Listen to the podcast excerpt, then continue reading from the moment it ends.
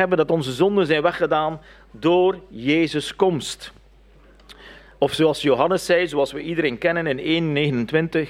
Johannes zei, zie het lam Gods dat de zonde van de wereld wegneemt. In feite vieren wij op kerstdag de komst van de Heer Jezus.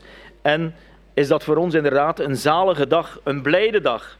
Want we weten dat we juist door de komst van Jezus en dan ook natuurlijk door, uh, door zijn uh, gehoorzaamheid aan de wil van de Vader, door zijn sterven aan het kruis en zijn opstanding, wij eeuwig leven hebben en vooral dat wij onze zonden zijn kwijtgeschonden. Dus kerstmis, de geboorte van Jezus. En dat geldt voor ons. Wij zijn bevoorrecht, als we dat mogen weten, dat Jezus voor ons is gekomen als de verlosser. En van daaruit is namelijk heel het evangelie over Hans de wereld uitgegaan. Namelijk met die ene boodschap, Jezus is de verlosser. Wij hebben genade gevonden bij God door het geloof in Hem. Dat is de komst van de geboorte of de geboorte van Jezus Christus. Dat was het doel. Het doel namelijk dat wij van onze zonden zijn vergeven. En misschien sta je daar niet altijd bij stil, of ik toch ook niet. Maar inderdaad, dat betekent toch wel iets. Dat betekent toch wel iets dat God ja, zijn eigen zoon in de persoon van Jezus, of God zelf in de persoon van Jezus, naar de aarde kwam om ons zo graag bij Hem te hebben. Want wij zijn vrij van zonde door het geloof in Hem.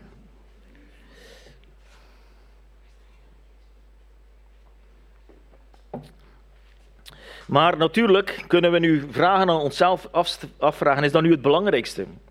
Is dat nu het belangrijkste? Is dat nu het doel van Gods schepping, van Gods leven? Is dat nu het doel dat wij mensen van uh, onze zonde zijn verlost en eeuwig bij God zijn? Was dat de bedoeling? Wat is namelijk, en we hoorden dat onlangs in de Bijbelstudie, namelijk de zin van het leven? We worden geboren, we hebben een tussentijd hier op aarde, we kunnen goede dingen doen, misschien dingen die blijven, en we gaan dood. En wij als christenen, die mogen bij God gaan. Voor de mens die niet gelooft, juist hetzelfde een begin, een tussentijd, een einde en dan gescheiden van God. Dat is, denken wij, de zin van het leven. Maar was dat nu de bedoeling dat God had met de schepping? Was dat de bedoeling dat Hij ons mensen maakte en dat wij eeuwig bij Hem zouden zijn? Misschien wel, een deel wel. Maar in feite, het echte doel van God door de Hanse schepping is namelijk dit alles mag zijn tot God zijn eer. En wat bedoel ik daarmee? Ik denk, of wij hebben vaak de neiging, of misschien heb ik die neiging van, omdat wij christen zijn, omdat God Jezus voor onze zonden is gestorven, dat dat het belangrijkste is. Maar het belangrijkste is namelijk dat wij mogen leven tot Zijn eer. Denk maar in, uh, in de psalmen dat we gemaakt zijn, of in de Jezaja staat dat, we zijn gemaakt tot Gods eer. Het gaat niet zozeer om ons, want wij denken vaak dat God voor ons een soort Sinterklaas moet zijn. Hè? Als we bidden, dan hopen we tot ontvangen. Wij, willen God soms voor onze kar spellen. Maar dat is denk ik niet echt de bedoeling van God met gans de wereld. Als we denken aan Genesis 1, vers 27, dat God zegt, we zijn geschapen naar zijn beeld.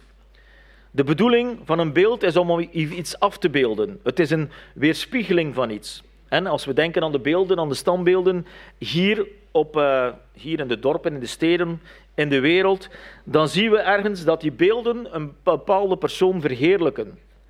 Als we, ik weet niet wat er hier nu staat, hier een beetje verder, maar dat is toch de bedoeling dat we hem nadenken en hem verheerlijken.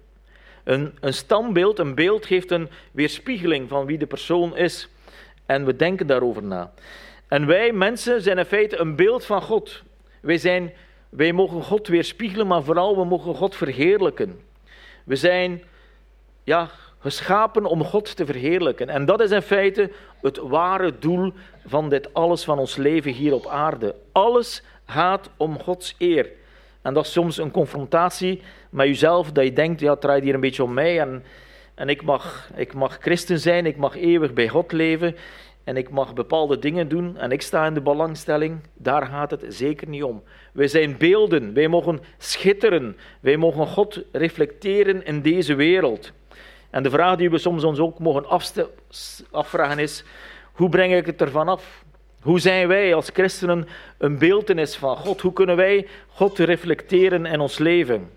Als we eerlijk zijn, dan komen we er soms heel, ja, heel slecht van af. Denk nu ook maar aan waarom is er nu zo'n mooie wereld waarin we leven. Als we kijken, als we natuurdocumentaires zien, dan sta je altijd versteld van hoe dit alles in elkaar zit. Hoe mooi, hoe prachtig, hoe perfect, soms ook wel gruwelijk, de wereld en de natuur is gemaakt. Denk maar aan het universum. Oneindig groot. Als je, als je dat bedenkt, een mens kan dat niet bedenken, dat is oneindig groot. De zon die al, ik weet niet hoeveel jaren, warmte geeft. Die ontploffingen die gebeuren. Het is allemaal zo met ons mensenverstand niet te begrijpen. En we kunnen ons zeggen waarom. En ik wil uh, misschien een tekst voorlezen in 1 Romeinen 1, vers 22 omdat dat het doel beschrijft van dit alles. Namelijk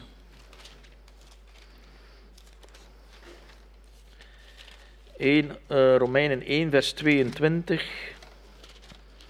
Daar staat er, en dat is misschien heel belangrijk dat we dat weten.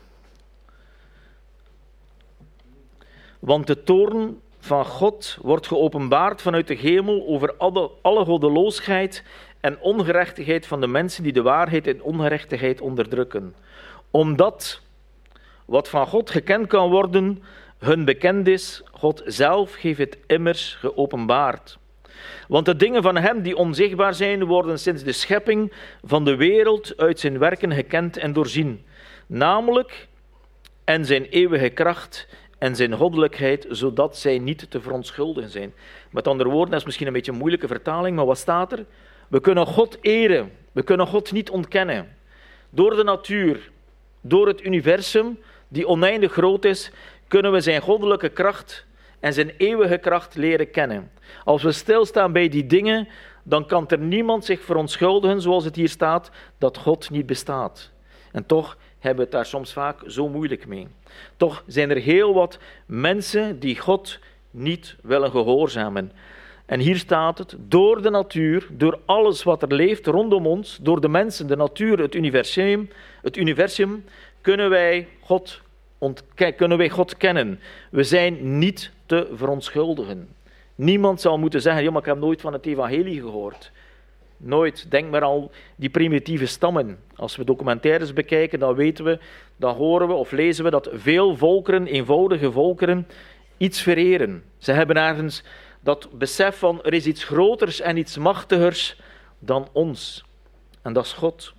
En God heeft dat allemaal zo schitterend gemaakt, zo, ja, zo groot dat wij als mensen er niet bij kunnen, omdat Hij inderdaad wil tonen wie Hij is. We hebben het misschien gezongen.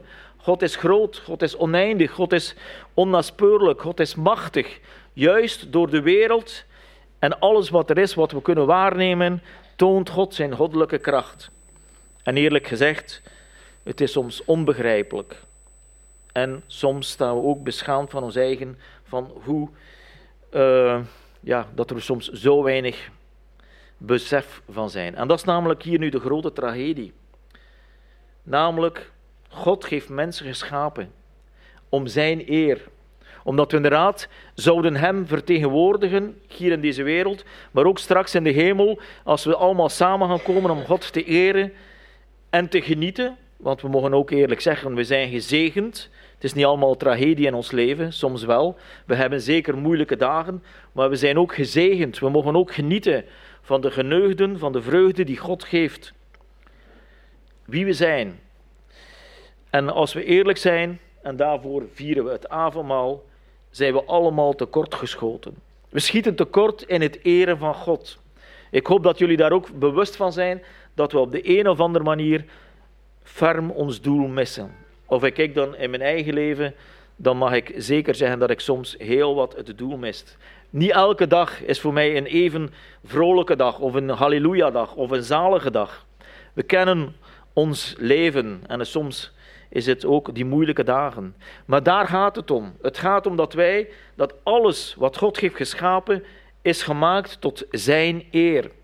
En toen ik dat een beetje voorbereidde, toen dacht ik daar, ja, toen moest ik zelf weer opnieuw mezelf onderzoeken dat het inderdaad niet om mij gaat. Zelfs als ik van die moeilijke dagen had, van die moeilijke momenten, dan nog moet ik dankbaar zijn en denken, het alles is om Gods eer. En dat is juist zo moeilijk om dat allemaal te gaan beseffen, dat alles is geschapen tot Gods eer. Want, nogmaals, niemand zal zich kunnen verontschuldigen. En ik denk dat dat een heel belangrijke boodschap is. Niemand. Als we straks voor God zullen staan, zal er, zoals ik al heb aangehaald, niemand zal moeten zeggen, ik wist van niks. Dat zal niet, dat zal niet tellen. Juist, nogmaals, door de natuur heen, zelfs als we soms twijfelen, door de natuur heen, heeft God zijn grootheid geopenbaard. En ik vind dat zo mooi dat we dat mogen erkennen. En dat we vandaag met kerstmis mogen vieren dat God niet alleen zijn grootheid geopenbaard heeft, maar dat hij ook wilt, omdat we allemaal in feite ja, de bal mislaan en echt niet in staat zijn om God te eren zoals gij het wilt, heeft Jezus mogen komen. Heeft God in Jezus gekomen om ons mensen, doordat wij puur menselijk zijn en door de zondeval uh, de zonde doen, van nature zondaars zijn, wil God toch dat we mogen genieten van alles wat we hier op aarde leven, maar ook straks zullen mogen genieten om bij God te zijn. En daarom is Jezus geboren. Omdat Hij het zal zijn die zalig zal maken, die onze zonden zal vergeven. Zie het lam Gods dat de zonde van de wereld wegneemt. Het lijkt zo eenvoudig en we zeggen het misschien zoveel malen, maar als we daar diep over nadenken, dan, ja, dan krijgen we daar ontzag. Dan kunnen we misschien een klein beetje inbeelden wat God van ons verwacht. Of tenminste, welke liefde Jezus en God heeft voor zijn volk. Ik, sta er, ik ben er zelf dikwijls onder, van onder de indruk dat die machtige God ons zo een cadeau heeft gegeven. En vandaag viert de wereld, en wij ook, de geboorte van Jezus. De geboorte van Jezus. En weinigen hebben nog benul van wat het in feite inhoudt. Dat wij van onze zonden zijn verlost doordat Jezus als zoenoffer voor ons is, uh, is gekomen. En daar gaat het om. Het gaat alles in dit leven, en ik hoop dat, ik dat, dat we dat allemaal samen goed mogen begrijpen. Het gaat niet om ons. Wij zijn beelddragers van God. Wij mogen God vertegenwoordigen in deze wereld. En we falen daar allemaal in. En daarom op dit moment gaan we avondmaal vieren. Omdat we beseffen van God, wat jij van ons verlangt, dat kunnen we niet. We zouden het willen. En de ene dag gaat al beter of de andere. Maar in, over de hele lijn zijn we allemaal gefaald. En God wist dat. En daarom mogen we dankbaar zijn dat Jezus is gekomen. Dat we mogen nadenken over ons leven. En dat we mogen zeggen, God, we kunnen het niet, maar we danken u. U hebt het voor ons gedaan aan het kruis. U bent opgestaan en u leeft en wij mogen leven door Hem. Vooraleer we tafelmaal gaan nemen, wil ik misschien een tijd van gebed nemen. Iedereen voelt zich vrij. Je mocht luid op bidden of stil bidden, maar ja, ik wil toch wel een tijd van gebed geven, omdat we inderdaad mogen erkennen welke genade we hebben ontvangen. En vooral, nogmaals, welke liefde God geeft voor zijn schepsel. Ik ga dan afsluiten. Misschien kunnen we nu een tijd van gebed houden. Is Christus voor de. Vandaag weer, de dat Heer dat u in onze de. Maar u hebt dat ook gedaan zodat we terug Heer met u kunnen hebben. En ook dat we iets kunnen van u de grootheid en genade Heer. En we zijn uw beeld geschapen Heer, maar voor de zonde valt is dat Heer. Heer, wil u ook bidden kerk in Oekraïne heeft en zoveel handen heeft en alle heeft een kerstfeest Vader, wij danken u, Heer, dat wij mogen leven tot eer van uw naam. Dat u dit alles hebt geschapen omdat wij inderdaad u zouden eren. Hier op aard, maar ook straks in de hemel. Omdat u alle eer toekomt. Omdat u God bent. Omdat u zegt, ik ben die ik ben. Voor ons soms niet te bevatten, Heer. Maar we komen tot u, Heer, omdat we ook in dat volle besef zijn dat we niet in staat zijn om dat te doen. Dat we tekort schieten in vele dingen. Maar Heer, uw genade is mij genoeg. Dat zijn uw woorden, Heer, niet onze woorden. En we danken u dat we in die genade mogen leven. We danken u dat wij met broeders en zusters ook vandaag het avondmaal mogen vieren. Omdat we ons bewust zijn, Heer, van onze zonden. Maar vooral ook, Heer, dat we mogen opstaan en dat we mogen kijken naar het kruis, Heer, waar u hebt geroepen, het is volbracht. En we danken u, Heer, dat wij mogen zeggen, geen enkele zonde, geen enkele aanklacht kan mij nog iets doen. Heren, want de Satan is een aanklager van de broeders. Elke gedachte, elke twijfel mogen wij bij het kruis van Jezus brengen. En we hebben dat geweldig voorrecht. Want u bent het die ons lief heeft. U bent het die vergeeft. U bent het die geneest.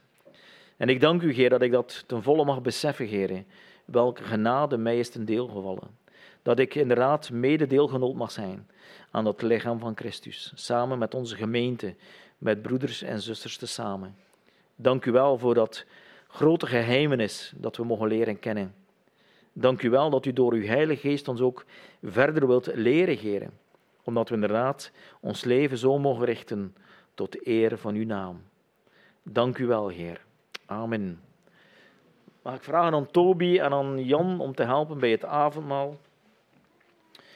En ik wil nog een uh, tekst voorlezen vooraleer we het avondmaal gaan beginnen. Wel, zalig zijn zij van wie de ongerechtigheden vergeven en van wie de zonden bedekt zijn.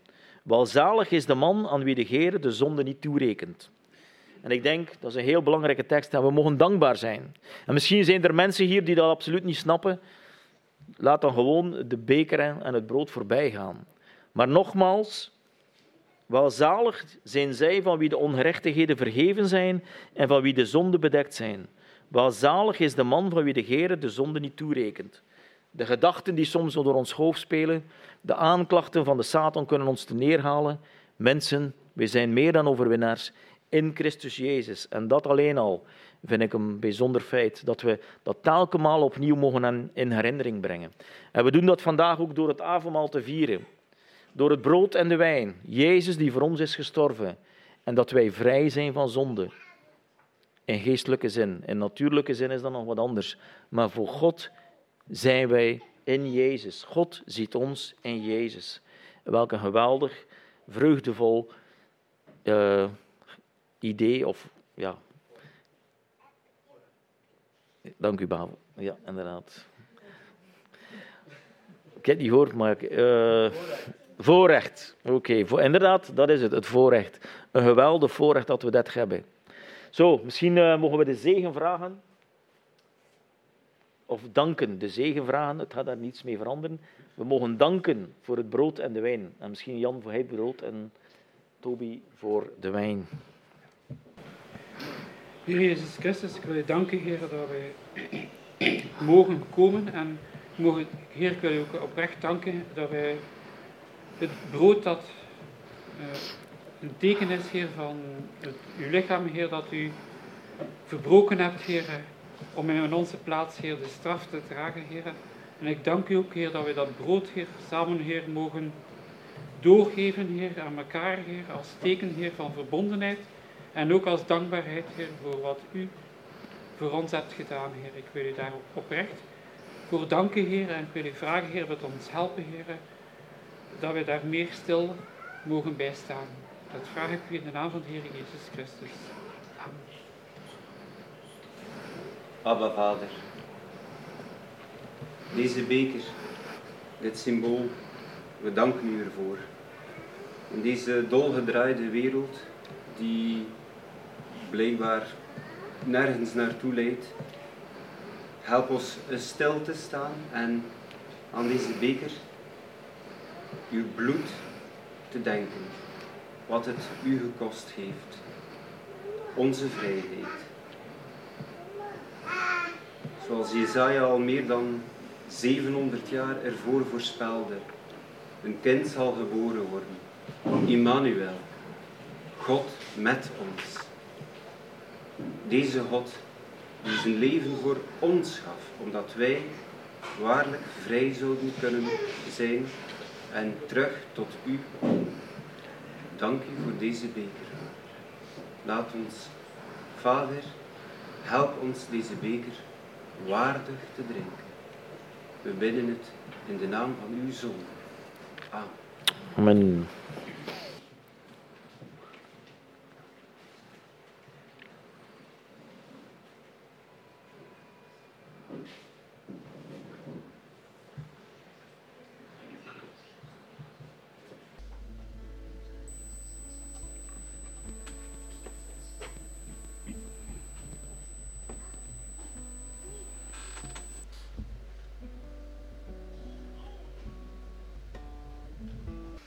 Op grond van die wil zijn we geheiligd door het offer van het lichaam van Jezus Christus, eens en voor altijd gebracht. Want met één offer geeft Hij hen die geheiligd worden tot een eeuwigheid volmaakt. En aan hun zonden en hun wetteloze daden zal ik beslist niet meer denken. Laten wij dan tot hen naderen met een waarachtig hart, in volle zekerheid van het geloof, geloof nu ons hart gereinigd is van een slecht geweten en ons lichaam gewassen is met rein water. Amen. Hey, blij dat er eigenlijk niet genoeg glaasjes zijn. Wil zeggen dat we met vele zijn. We hebben nog één lied. Alle glorie. Er is mij in het begin van deze maand gevraagd, waarom is het lied van de maand eigenlijk geen kerstlied? We lopen aan naar kerst. Maar dit lied omvat veel meer dan enkel de kerstperiode. Als je naar de eerste zin kijkt, dan versta je waarom dit lied ook toepasselijk is voor deze maand.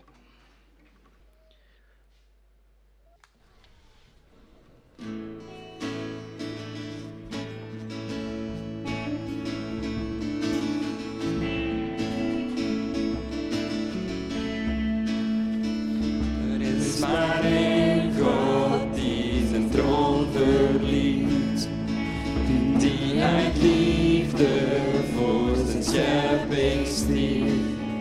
Hij is de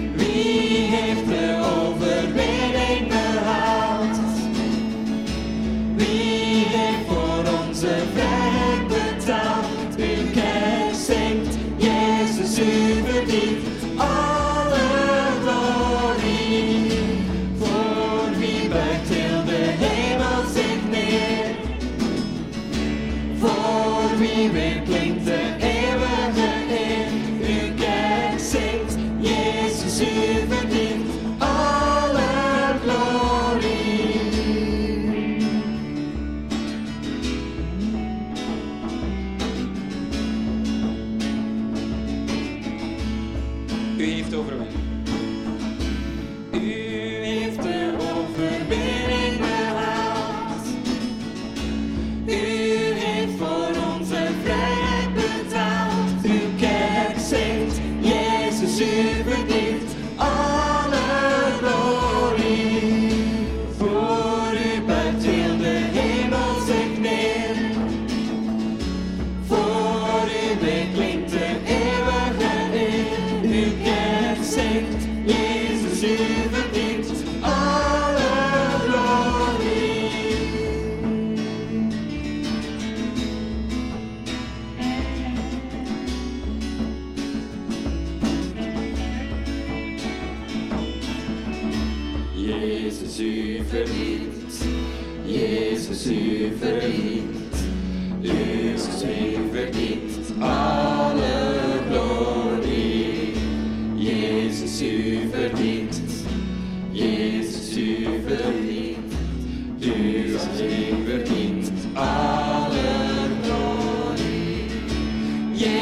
Jezus, u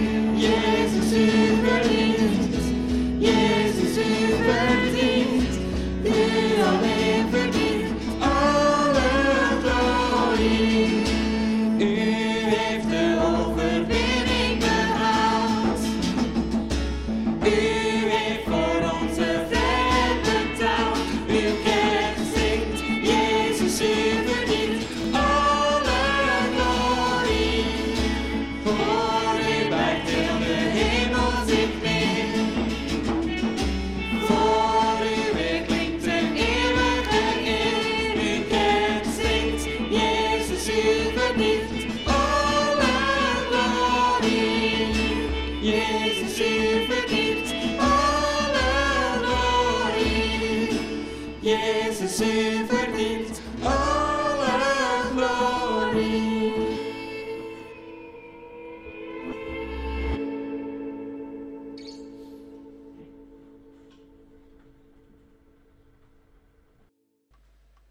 Dat was het lied en ehm, we gaan eindigen samen.